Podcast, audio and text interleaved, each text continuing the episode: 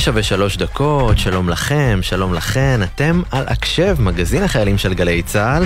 עוד יום מגיע לסיומו, וזה אומר שעוד תוכנית של הקשב מתחילה. היום, בניגוד לפעמים קודמות, אני, יונתן מודילבסקי, לבד כאן איתכם, אבל זה רק אומר שיהיה לנו יותר זמן לראיונות המעניינים שהם מחכים לנו בהמשך. לפני שנתחיל נגיד תודה לצוות המוכשר של התוכנית, לעורכת אבי פוגל, למפיקות פרח בר גולדפרב, נוגה גרינברג, עמית קליין ומאיה גונן, לטכנאי שלנו הלל גוטמן ולפז אייזנברג שעורכת לנו את המוזיקה. אנחנו לא נבזבז את הזמן ונתחיל ממש עכשיו את התוכנית. נגיד שלום לסגן גל שגב, ראש תחום ת"ש חובה בפיקוד צפון, שנמצאת איתנו על הקו. שלום יונתן. שלום, אז אה, מה שלומך קודם כל? בסדר גמור, תודה רבה. יופי. איזה כיף. ביום רביעי הקרוב יתקיים יום הוקרה לחיילים בודדים בפיקוד הצפון, שאת אחראית עליו, על היום הזה, נכון? אה, נכון אז מאוד. אז ספרי לנו על האירוע, מה, מה קורה שם.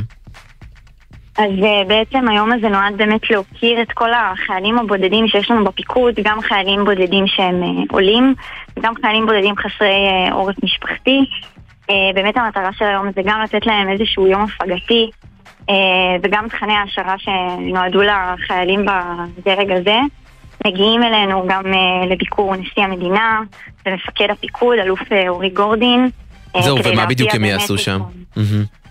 באמת רוצים לעשות איזושהי שיחה עם החיילים, סוג של שיחת הוקרה, להגיד להם כמה לא מובן מאליו השירות שהם עושים בצבא וכמה התרומה שלהם היא משמעותית.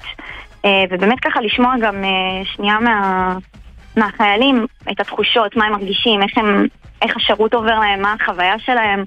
אה, באמת מאוד היה חשוב להם להגיע לעשות את השיחה, זה משהו שהיה מאוד חשוב להם לתאם, ואנחנו באמת ככה עשינו את זה בהתאם.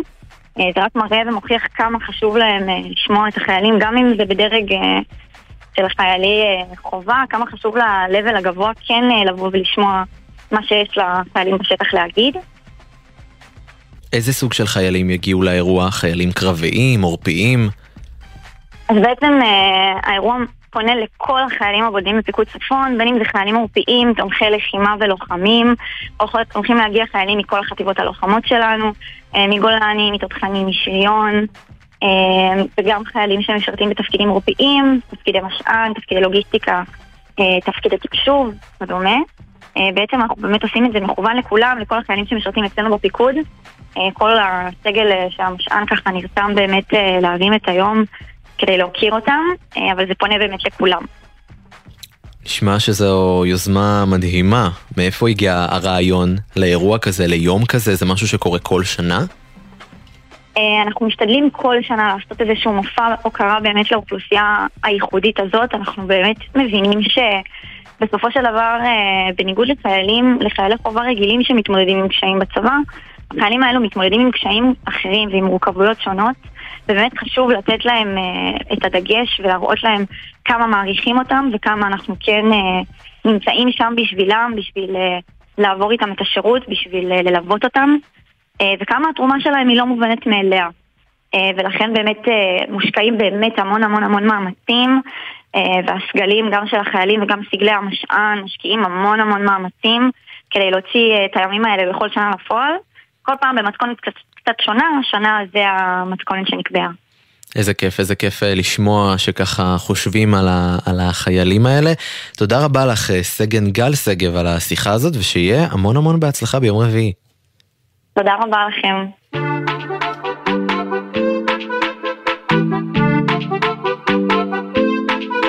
עפלתי לחלל לרדת, אף אחד פה לא יגיד לי לשבת. לא ראיתי די בחיי אז אולי תזיזי את עצמך ותבואי אליי. וואלאק מי לא קופץ? יש לו עסק לא לבדתי אני פה עם הצוות. כולם מוזרים גם אני נו אז מה? על הכיסאות וגם על הבמה.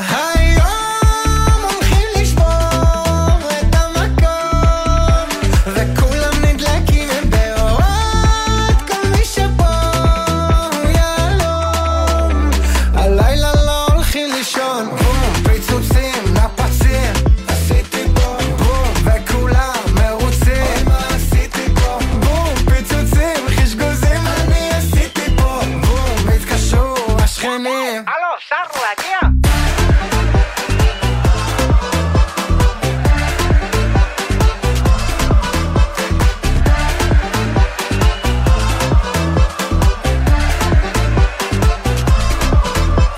איזה כיף שכולם עפים, קצת שיכורים וכולם יפים. את מעיפה לי את העננים, רק בזכותך כולם פה שמחים. ואני שר שיהיה טוב, כולם עונים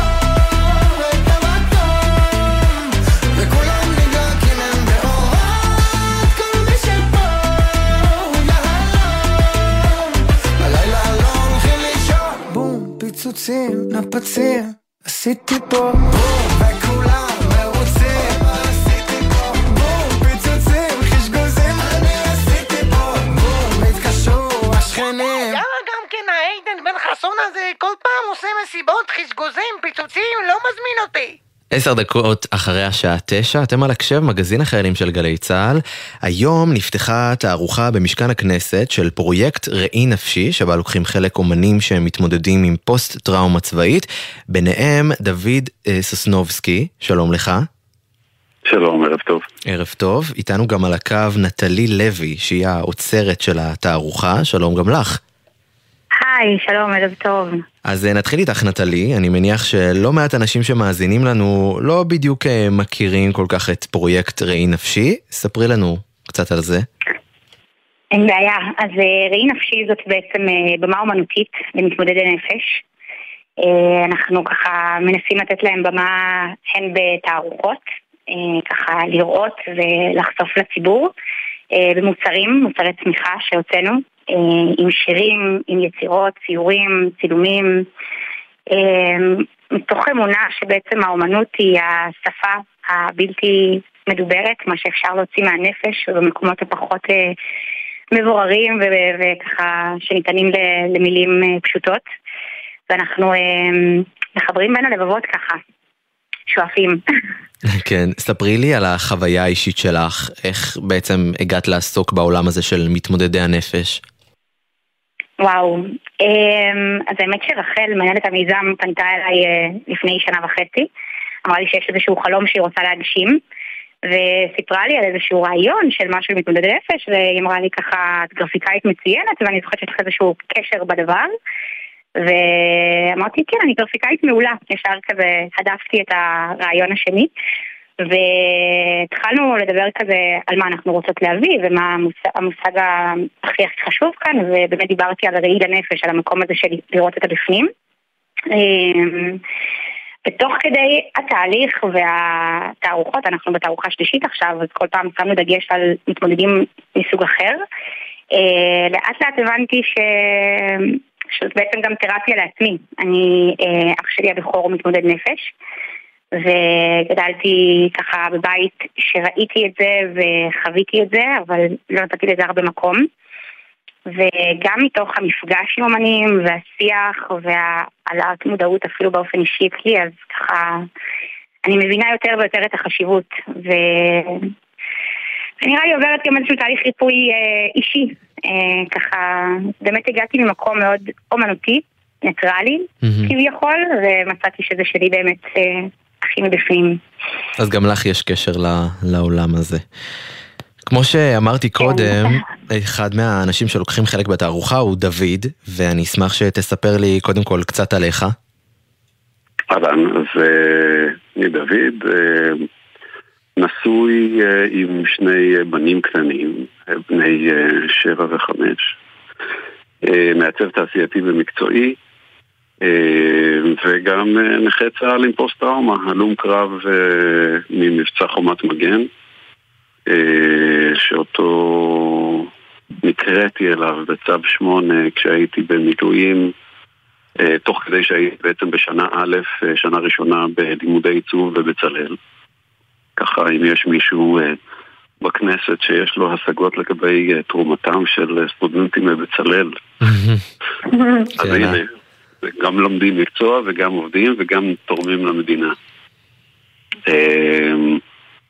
ובעצם אחרי שסיימתי את הלימודים, אני חושב שבאיזשהו מקום זה שהייתי כבר בתוך המסגרת הלימודית בעצם מאוד הציל אותי. כי הייתי בתוך עשייה מאה אחוז, הייתי מאוד,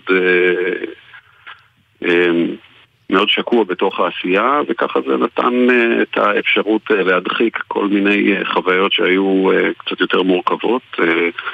הייתי, שירתתי בשריון, ו... ובעצם המילואים האלה היו, הצו שמונה הזה בג'נין, בחומת מגן, היה מאוד מאוד שונה ממה שחוויתי בסדיר. ואז פתאום היה לך את ההלם הזה. לא, זה לא עניין של הלם, זה פשוט מאוד מאוד שונה.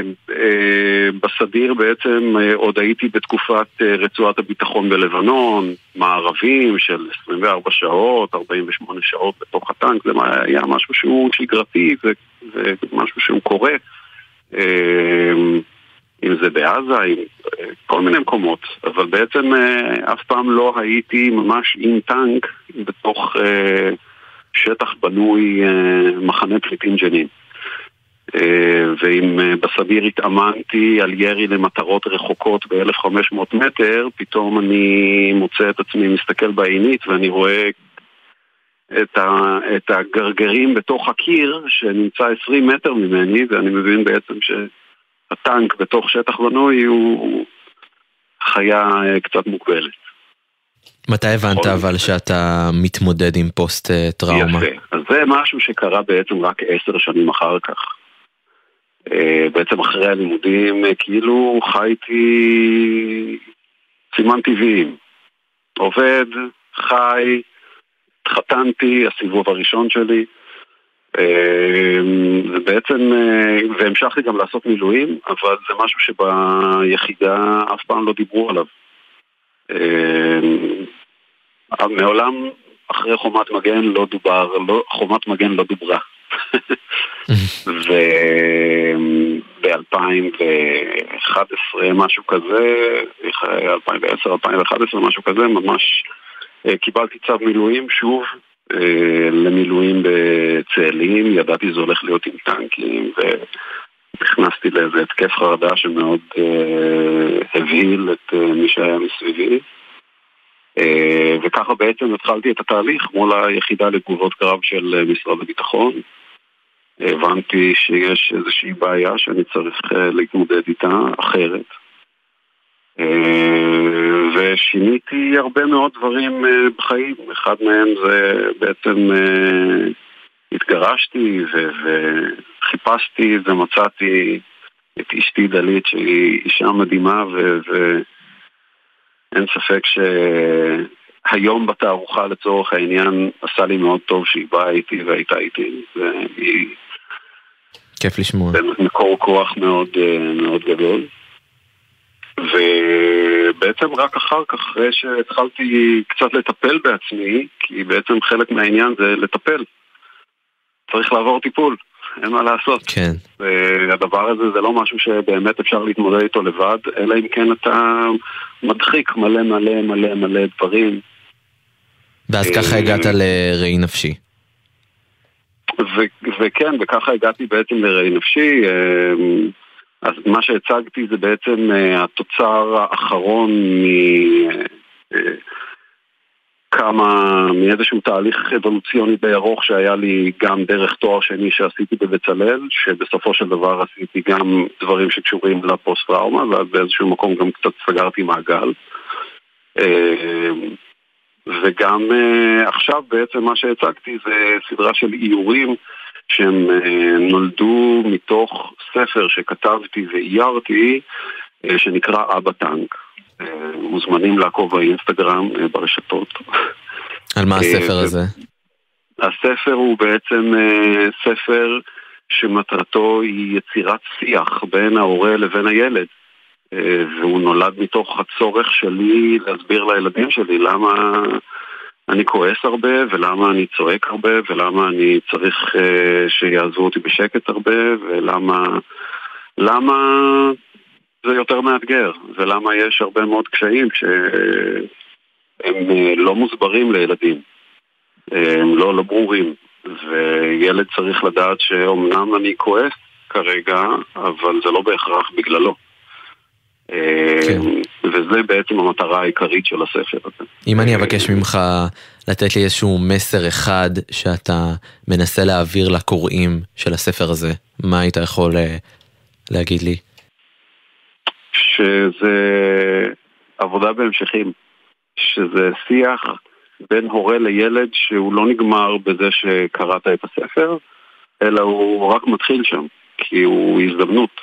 הזדמנות אה, להגיד להורה, להגיד לילד, אני כועס כי חוויתי דברים אה, קשים, או משהו כזה.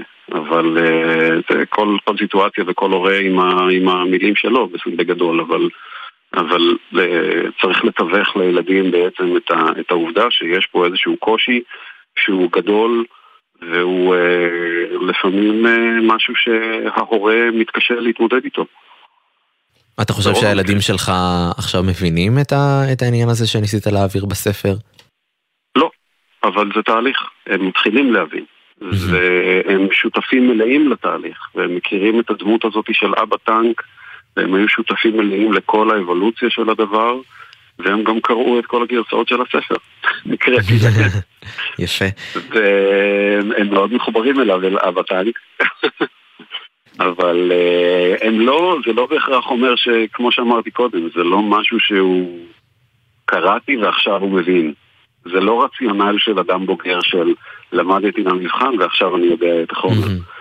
זה משהו שהוא uh, הולך ומתמשך ומאוד מאוד קשה, בטח לילד, לעשות את ההבדלה, רגע, אבא כועס עכשיו כי אני לא הולך למקלחת והוא כועס עליי או הוא כועס על מישהו אחר בעצם?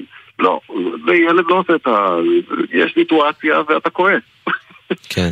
אבל, אבל יש, יש גם הרבה מאוד ניסיון לתקן, ויש גם הרבה מאוד ניסיון, אה, אה, מה שנקרא, נפלת, אני, אני אומר את זה לעצמי, כן? אה, נפלתי, אני קם, שוטף פנים וממשיך. ו... וזה ככה. נשמע מאתגר. זה תדירות של יום-יום, ולפעמים זה תדירות של אה, פעם בשבוע. בשאיפה שזה יתרחק ויתרחק. תודה רבה על השיתוף אה, דוד, זה ממש לא מובן מאליו. ואני רוצה לחזור אה, שאלה אחרונה לנטלי. אני מניח שיש משמעות לזה שהתערוכה מתקיימת במשכן הכנסת. מה יש לך להוסיף בעניין הזה? נכון, אני אתחיל עוד מההתחלה, שעצם הבקשה הגיעה מהכנסת אלינו. אה, אנחנו, כמו שאמרתי, התחלנו לפני שנה וחצי, ממש אה, לאט לאט אה, מיזם שצומח. נראה לי שכולם מבינים כמה זה מאתגר. ולפני שבועיים, משהו כזה, קיבלנו בקשה מאושרית פיטבון מהכנסת, שהולך להיות כנס של הלומי קרב, כנס הכרה והוקרה. ואם אפשר שנוציא קול קורא ונביא מתמודדים. ואני חושבת שיש פה ככה שני רבדים ממש מדהימים. קודם כל, המיזם מוכר כבמה אומנותית, הצלחנו במשימה. ודבר שני, יש משהו במעמד הזה באמת, אה, ש, שעצם ההצגה בכנסת זה איזושהי הכרה חברתית כוללת, וזה לא עוד גלריה קטנה שיכולה להיות אה, נתונה לפרשנויות או לבחירה או משהו כזה. זה ממש אה, של כולנו, זה גיבורי ישראל של כולנו, והמעמד היום היה מאוד מאוד מרגש. אה, לשמוע את הסיפורים, לראות את האומנים בעיניים ליד הסיפורים שהעבודות מציגות. ו... נשמע מעצים מאוד. אה, כן, זה קיבל במה מאוד מאוד חזקה, מאוד עוצמתית. אז אה, נטלי לוי ודוד ססנובסקי, תודה רבה לכם על השיחה הזאת, ומלא בהצלחה בתערוכה. אמן. נקווה שזה רק ימשיך וזה יפתח מסורת של שנים. לגמרי. אל תלכי, קרן שמש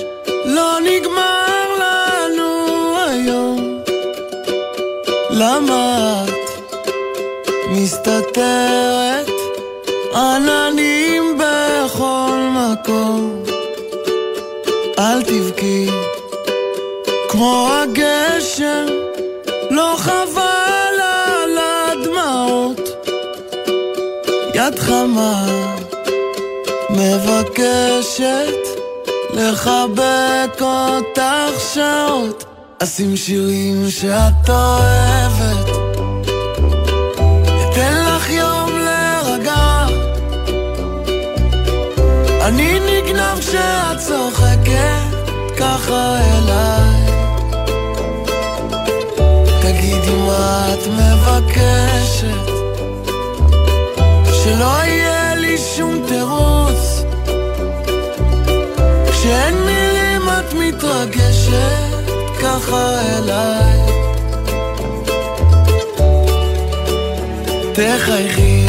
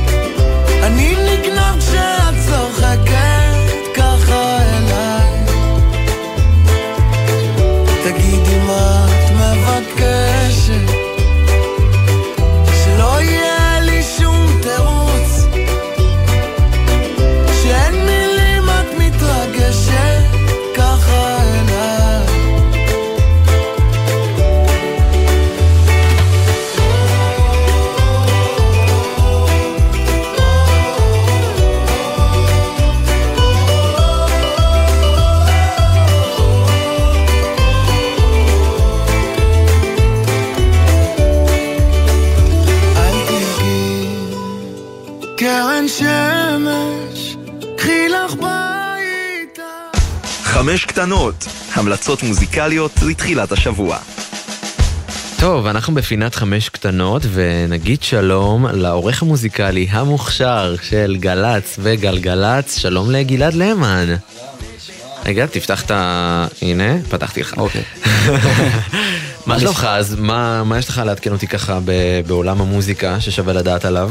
סבבה, אני אתחיל אה, לפני ההמלצות, וזה, כן. אני אתחיל בקצת חדשות מוזיקליות. אה, האם יצא לך לשמוע על פסטיבל גלסטונברי? לא, לא האמת. שלא, מה זה? חבל, חבל, כי מה- מה. יש שם? אז אני אספר לך שבסוף השבוע האחרון התקיים הפסטיבל. אה, פסטיבל גלסטונברי הוא פסטיבל שמתקיים ליד העיירה גלסטונברי באנגליה. הפסטיבל רץ כבר מתחילת שנות ה-70, וש... והשנה רשימת האומנים הייתה מרשימה במיוחד, אם זה ארקטיק מנקיז, גאנז אנד רוזס, לנה דל ריי, ליזו, ליל נאס אקס ועוד באמת רשימה מטורפת של וואלה. אומנים.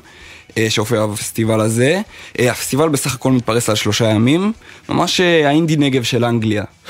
לגמרי. אה, ולמרות כל השמות הגדולים שהזכרתי קודם, ההופעה המדוברת והגדולה ביותר הייתה הופעה שסגרה את הפסטיבל, ההופעה של אלטון ג'ון. אה, אלטון ג'ון הוא בן 76 כיום, הוא כמובן אחד מהזמרים והיוצרים הכי גדולים בהיסטוריה של המוזיקה. אה, ואתמול הוא הכריז שזאת תהיה ההופעה האחרונה שלו בבריטניה. וואלה. כן. זהו, הוא פורש לגמלאות מה שנקרא? כן, כן, יש לו רק עוד אה, הופעה אחת אחרונה בשוודיה, אבל זאת ההופעה האחרונה בבריטניה, שזה ארץ מולדתו. אז ממש כל הפסטיבל והמדינה בכלל, כולם חיכו להופעה הזאת. ואתמול, לפי מה שמדווחים, נרשם השיא של הפסטיבל. 120 אלף אנשים הגיעו להופעה. וואו, זה המון. אה, הכי הרבה אי פעם בתולדות הפסטיבל.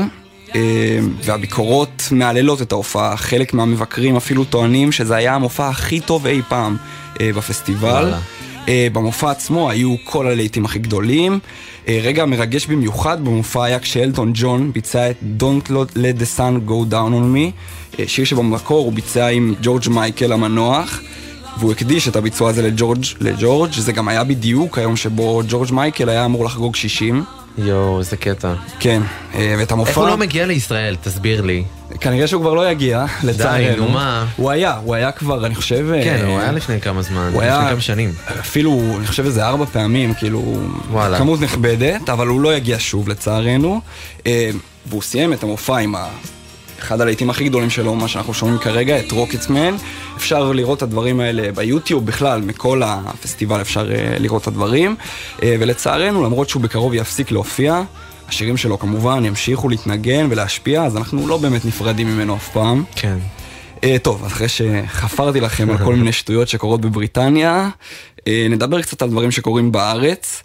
אז אחד הזמרים הכי גדולים בארץ בשנים האחרונות הוציא אלבום. וואלה. חנן בן ארי, לפני שבועיים הוציא את האלבום השלישי שלו, הוא נקרא יש כאן יותר מזה. Uh, לאלבום היה סינגל, לא יודע אם אתה זוכר, שיצא כמה שבועות לפני האלבום, הוא נקרא עיוור. הטלף עיוור, בדיוק. כמובן, איזה שיר. כן, אה, יש מצב שככה גם למאזינים יצא לשמוע אותו, התנגן הרבה. אה, שיר מאוד כנה וחשוף, אה, די עצוב, אה, וזה קו שדי ממשיך גם בשאר שירי האלבום. אה, ואני אומר את זה לגמרי לזכותו של חנן, באלבום הזה הוא מוציא שירים הרבה פחות קליטים או להיטיים שהוא הוציא בעבר. אה, אבל הם ממש עמוקים, נכון? ממש טקסטים כן. מאוד חשופים, מאוד אמיצים, הוא מתעסק בנושאים שהוא לא נגע בהם כמעט בעבר, אה, אם זה פוליטיקה, דיכאון, משבר אמונה, נגיד בשיר הזה שאנחנו שומעים עכשיו, אחד השירים האהובים עליי באלבום, הוא נקרא אחריך. הוא גם מטיל ספק בהצלחה שלו. אה, בכלל, זה נשמע מדהים, מרגש, אה, אני גם מאוד מעריך אותו על זה שהוא כל כך אמיץ ומסכים לסכן את המעמד הכל כך נוצץ שלו. יש לו גם שיר שהוא הקדיש לאביתר בנאי, נכון? נכון מאוד, נכון מאוד. זה? יש גם אפילו רפרנס לשיר של אביתר בנאי, מתי נתנשק. אה, וואלה. כן, מעניין אולי, אה, שמעתי שהם כבר ביצעו את זה ביחד, שהוא ביצע את זה, ואז אחרי זה הוא ביצע את מתי נתנשק. אה, אז מגניב לגמרי. אה, ובכלל, אה, אלבום מעולה, ממליץ מאוד אה, לשמוע אותו. יאללה, נאזין אחרי זה. נאזין. נסיים עם פאר טסי. אתמול הוא הופיע בקיסריה, אחרי שנה באמת באמת מטורפת שלו. הרבה בזכות האלבום שלו שיצא השנה, רדיו שטח. אם אתה זוכר, יש שם כמובן את אהבה הלהיטים. חולה, 38. אהבה, בדיוק, עוד הרבה להיטים. בכלל, השנה הזאת שלו והאלבום הזה גם העצימו להיטים שלו מהעבר, אז מופע שלם שהוא מעמיד שם, כל הקהל כאילו יודע את כל המילים לכל השירים. אה, עכשיו אני אספר על ההופעה, אבל בגדול לא הייתי בהופעה, אה, כי באמת בלתי אפשרי להשיג כרטיסים להופעות של פאר טסי, המופעים שלו מתמלאים בקלות. איך הוא פתח רק אה, שתי קיסריות? שלוש הוא פתח, אה, שלוש. ורק שתדע, הוא גם פתח לייב פארק ראשון לציון, שזה ענק ממש בסדר וואלה. גודל אדיר. אה, מטורף לגמרי, זה יקרה בשלישי באוגוסט, הלייב פארק הזה. בקיצור, יש למה לצפות. דרך אגב, אנחנו גם לאט לאט מתקרבים למצעד השנתי של גלגלצ, אז מעניין איזה מהתיירים הוא ייקח, או אולי כמה תיירים הוא ייקח. יש מצב עם ה... אני בטוח שהוא מועמד ראוי גם לאיש השנה, גם לאלבום השנה, וכמובן גם לשיר השנה, עם השיר שנשמע עכשיו. יאללה. אז אה, נסיים איתו, תודה רבה. אה, העורך המוזיקלי של גל"צ וגלגלצ, גלעד למן. תודה יונתן.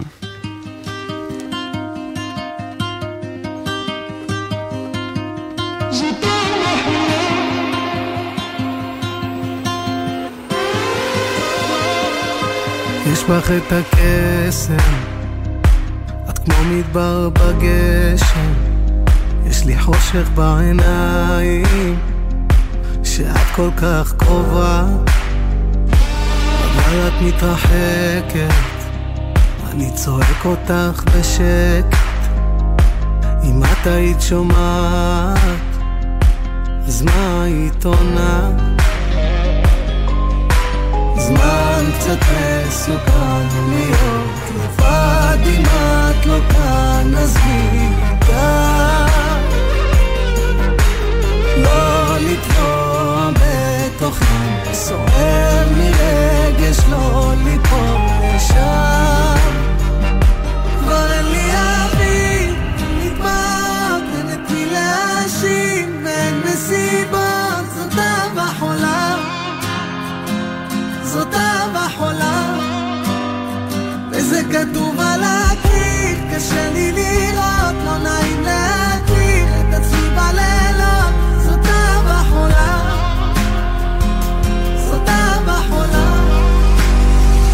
סורגים בצבע כסף את לימדת אותי עצב.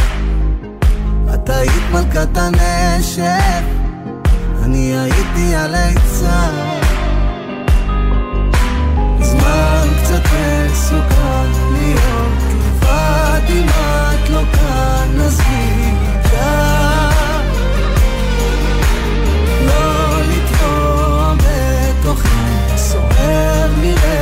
מרגש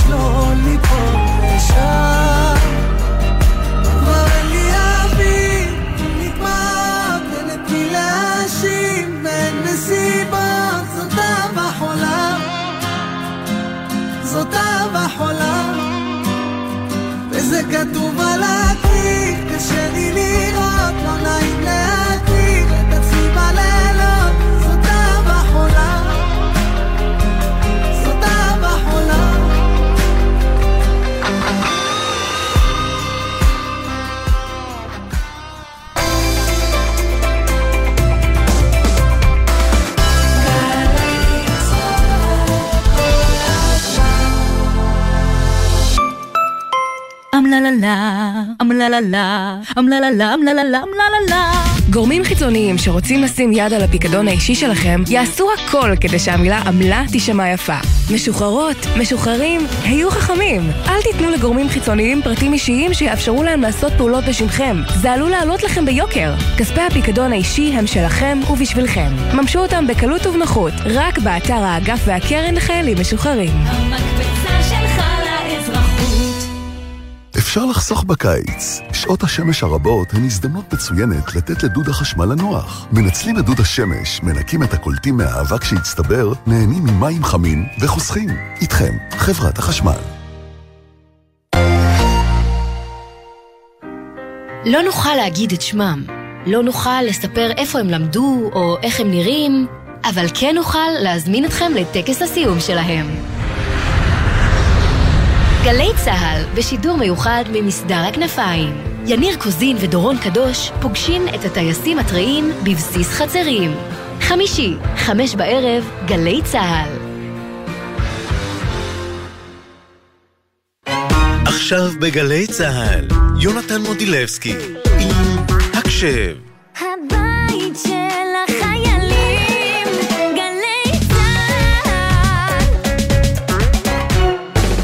בהצדעה.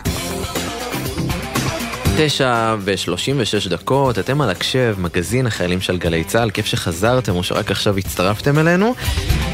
עכשיו אנחנו בפינת בהצדעה, ובשעות האחרונות מתקיימת עצרת חיל הלוגיסטיקה, לכן אנחנו מדברים עם תת-אלוף רונן כהן, שהוא קצין הלוגיסטיקה הראשי בצה"ל.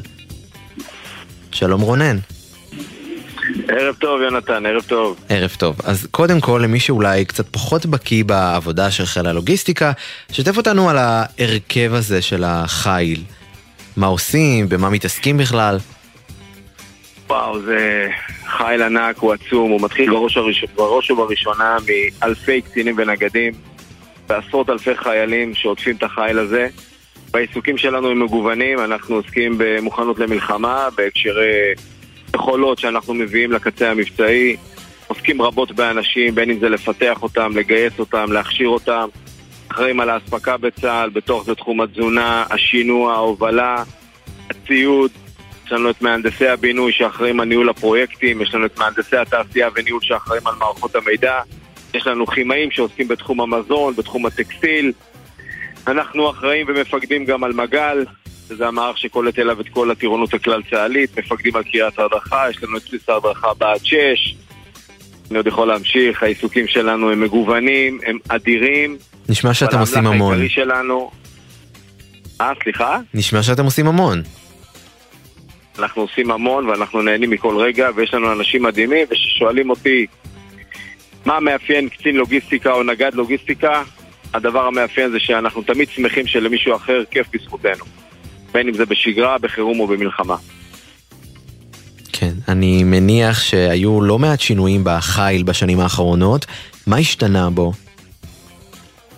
אה, עשינו לא מעט בשלוש שנים האחרונות לאור השתנות צה"ל אה, הדבר הראשון שעסקנו בו זה מוכנות למלחמה, תיקפנו את אה, תפיסת קשת רוחה שהיא עוסקת ביכולות לוגיסטיות לתמרון ולהגנה, עבודה ענקית. אה, הקמנו את מינהל המזון, שמינהל המזון עסק רבות בלתת מענה יותר טוב לחיילי צה"ל, בדגש ללוחמים ולקצה המבצעי. הקמנו את מינהל הנהיגה, לאור לקחים. שינינו את הכשרות הנהיגה, את רישיונות הנהיגה אה, ואת בקרת האיכות של ההכשרה בהיבטי בטיחות וכן הלאה. מרכז לאום, שזה המרכז שאחראי על הגיוס אמצעי, אמצעים אזרחיים בחירום, שינה את השיטה שלו, והוא היום רלוונטי יותר מתמיד. שינינו את ההכשרות בקריית ההדרכה, נתנו מענה יותר טוב בקריית ההדרכה ל-9,000 עד 10,000 חיילים שמשרתים שם. הקפנו את תפיסת איכות וחוויית השירות שעוסקת בהשתנות הדורית ובצורך של הנוער הזה ושל המפקדים הצעירים לקבל יותר ממה שהם קיבלו עד היום ואנחנו עובדים בזה קשה מאוד, בין אם זה במזון, בהיסעים, בציוד, במגורים, בתשתיות, בהכל. ועוד המון האמת, המון. אז זהו, אז אנחנו מדברים בין היתר גם בגלל המהפכה שקורית במדעי הבנות בימים האלה. מאיפה באה ההחלטה לתת לבנות את האפשרות לבחור מדעי בנים? אה, אה, מגיע לשאלת הקצה, כי זה באמת פרט אחד מיני רבים. הדבר המרכזי שהשתנה בחשיבה שלנו זה להקשיב לצורכי הפרט. אנחנו מקשיבים לצורכי הפרט ואנחנו מתאימים את עצמנו. יש לנו נוער סופר איכותי, סופר איכותי, עם מוטיבציה להתגייס לקרבים, מוטיבציה להגיע ליחידות הטכנולוגיות, עם מוטיבציה להגשים את עצמו ולהרגיש ממוצה ונותן. ולכן, מה שעושה טוב לחייל זה מדי בנים, קחי את זה. אם לוחם צריך לאכול שתי מנות בשר ביום, הוא יקבל שתי מנות בשר ביום. אם לוחם יורד מעמדה בשתיים בלילה, יחכה לו טרקלין לוחמים עם כל מה שהוא רוצה.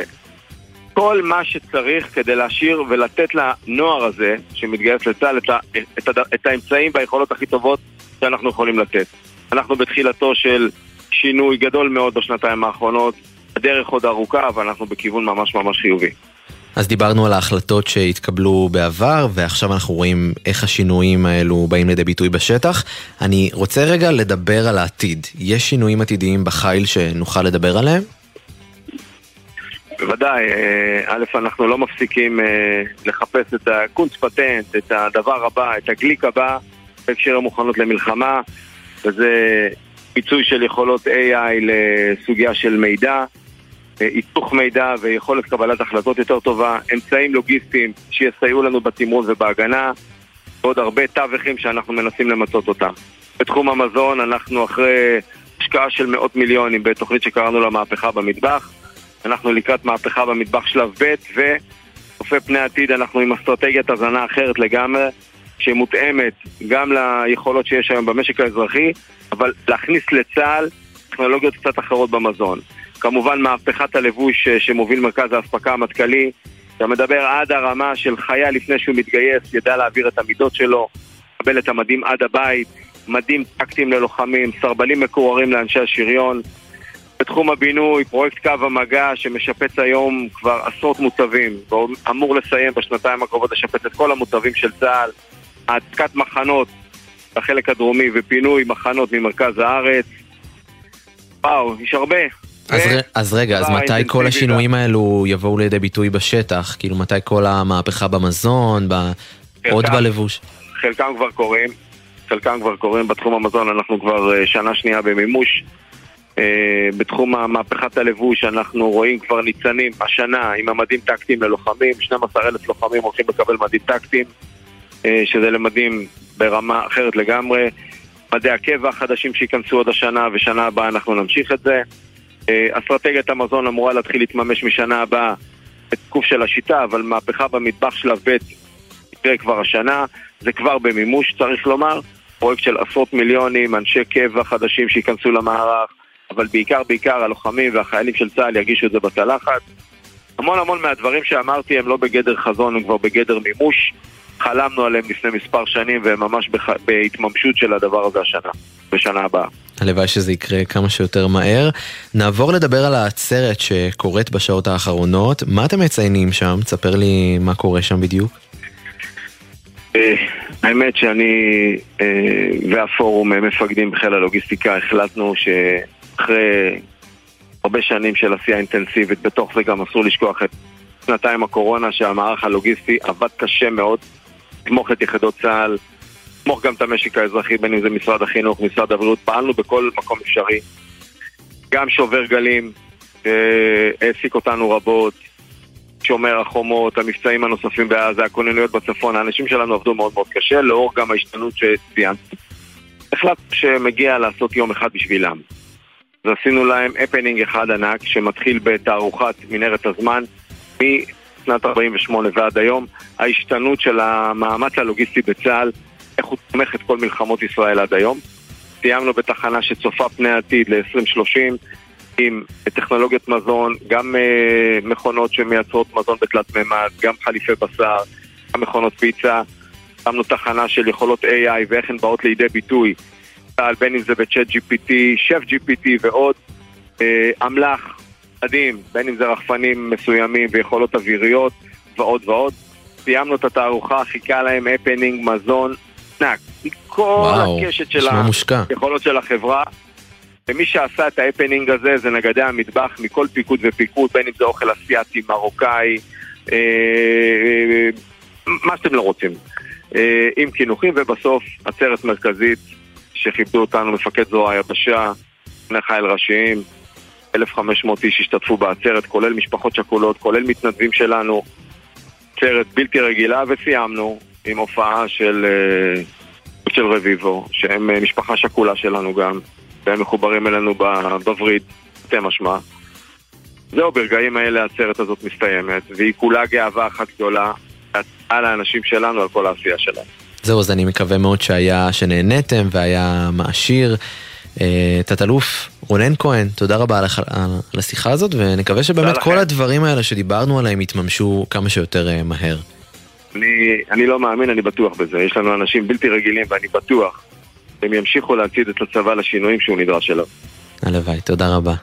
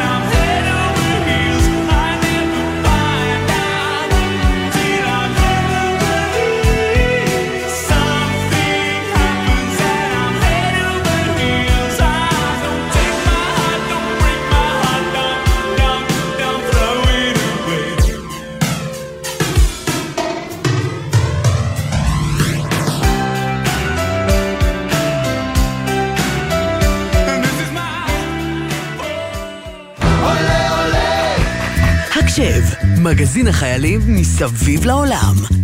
כנראה שרוב המאזינים שלנו לא ידעו את זה, אבל היום הוא יום העצמאות של מדינת האי מדגסקר. ואני לא סתם אומר את זה, כי היום בפינת עולה עולה אנחנו עם רב טוראי איריס, שהיא מש"קית קשרי חוץ באגף תקשוב, שגרה שם תקופה לפני שעלתה לארץ. שלום אה, איריס. שלום. אז אה, לפני שנגיע לדבר על איך הגעת לגור במדגסקר, קודם כל, ספרי לנו קצת עלייך ועל המשפחה שלך. אוקיי, אז uh, נולדתי בארץ, אבל לא גרתי פה כאילו כזה מלא זמן. ואז נסעתי עם אבא ואימא שלי, גרתי 12 שנים בכללי באפריקה. Uh, לפני מדגסקר זה היה בורקינה פאסו. Uh, למדתי בבית ספר צרפתי, סיימתי אותו גם Mm. במדגסקר. ואחרי שישה שנים שגרנו בבורקינה פאסו עברנו למדגסקר וגם שם גרתי שישה שנים לפני שעליתי לארץ. זה לא קצת מייאש, או אפילו מעצבן אפשר להגיד, לעבור כל כמה חודשים מדינה, אה, שפה זרה, אנשים אחרים, איך מכירים ככה חברים ואנשים? מה הרגשת אז? Uh, בהתחלה היה קצת קשה כשהייתי ילדה, כי זה כן קצת מעצבן לעבור מקום ואי אפשר באמת להבין איפה הבית שלנו וכל הזמן צריך להחליף את החברים ו... אבל אז מבינים שיש דברים גם אה, טובים בזה, יותר קל uh, uh, להסתדר במקום חדש וזה גם יכול להיות קצת יותר מגניב ככה לטייל בו כל העולם ויש סיפורים מגניבים שאפשר לספר לחברים חדשים. לגמרי. אז מדגסקר, מדגסקר היה עוד אחד מהמקומות הרבים שעברת אליהם, או שהיה שם משהו ספציפי שחייתם שם תקופה? Um, זה היה בגלל העבודה של אבא שלי, אבל uh, כן, ככה כאילו, סיימתי את הבית ספר. וכן, יחסית זה בגלל העבודה של אבא שלי. אני בחיים שלי לא הייתי במדגסקר, לא יודע אם אהיה שם, כמו שאומרים אה, never say never, אבל תתארי לנו את החיים שם, את החיים שלך שם. אז אני גרתי בעיר בירה שקוראים אותה אנטונריבו, שזה על ההרים, זה ממש לא קרוב לחוף ים. כאילו, עד החוף ים הכי קרוב צריך לנסוע שישה שעות. וואו, אה, כן. אז כנראה. שלא הייתם אה, בים הרבה. לא, אה, אמ, אולי פעמיים בשנה, כן. וואו. ו... אה, מה עוד אני יכולה לספר? אה, זה, זה ממש שונה, אין אפילו אה, רמזורים. אה, וואלה, כמה אנשים יש שם? כן. הרבה? זו, זו מדינה קטנה? אה, זאת לא מדינה קטנה, היא יותר גדולה ממדג- אה, מישראל. אה, בגודל היא כמעט כמו צרפת.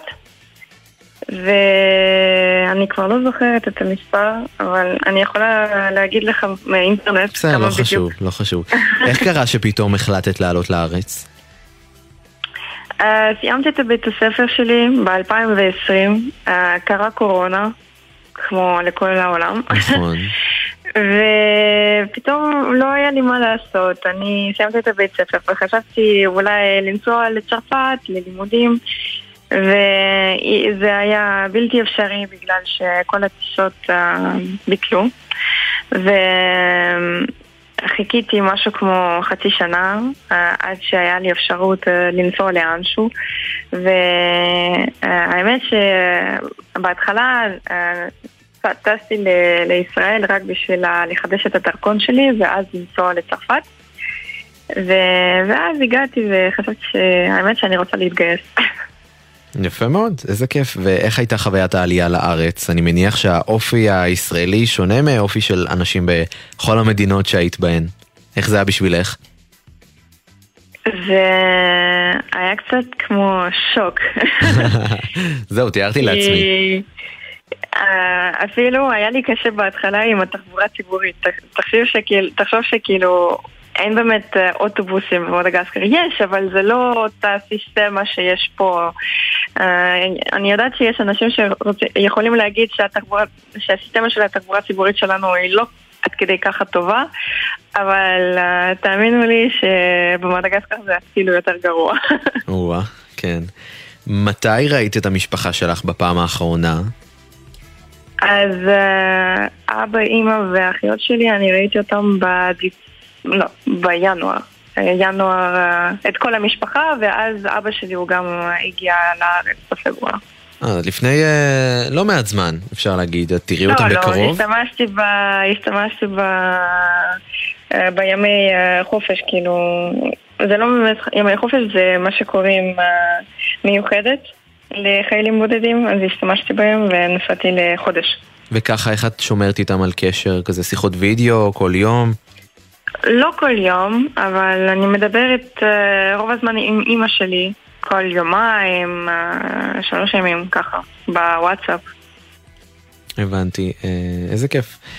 אפשר להגיד שהקשר עם מדינות העולם שלך לא התנתק לגמרי. את משרתת בחטיבת קשרי החוץ, אז ממה שמותר לך לשתף, מה בדיוק את עושה שם, והאם את מרגישה שיש לך איזשהו יתרון שגרת בכל כך הרבה מקומות, או שזה לא קשור?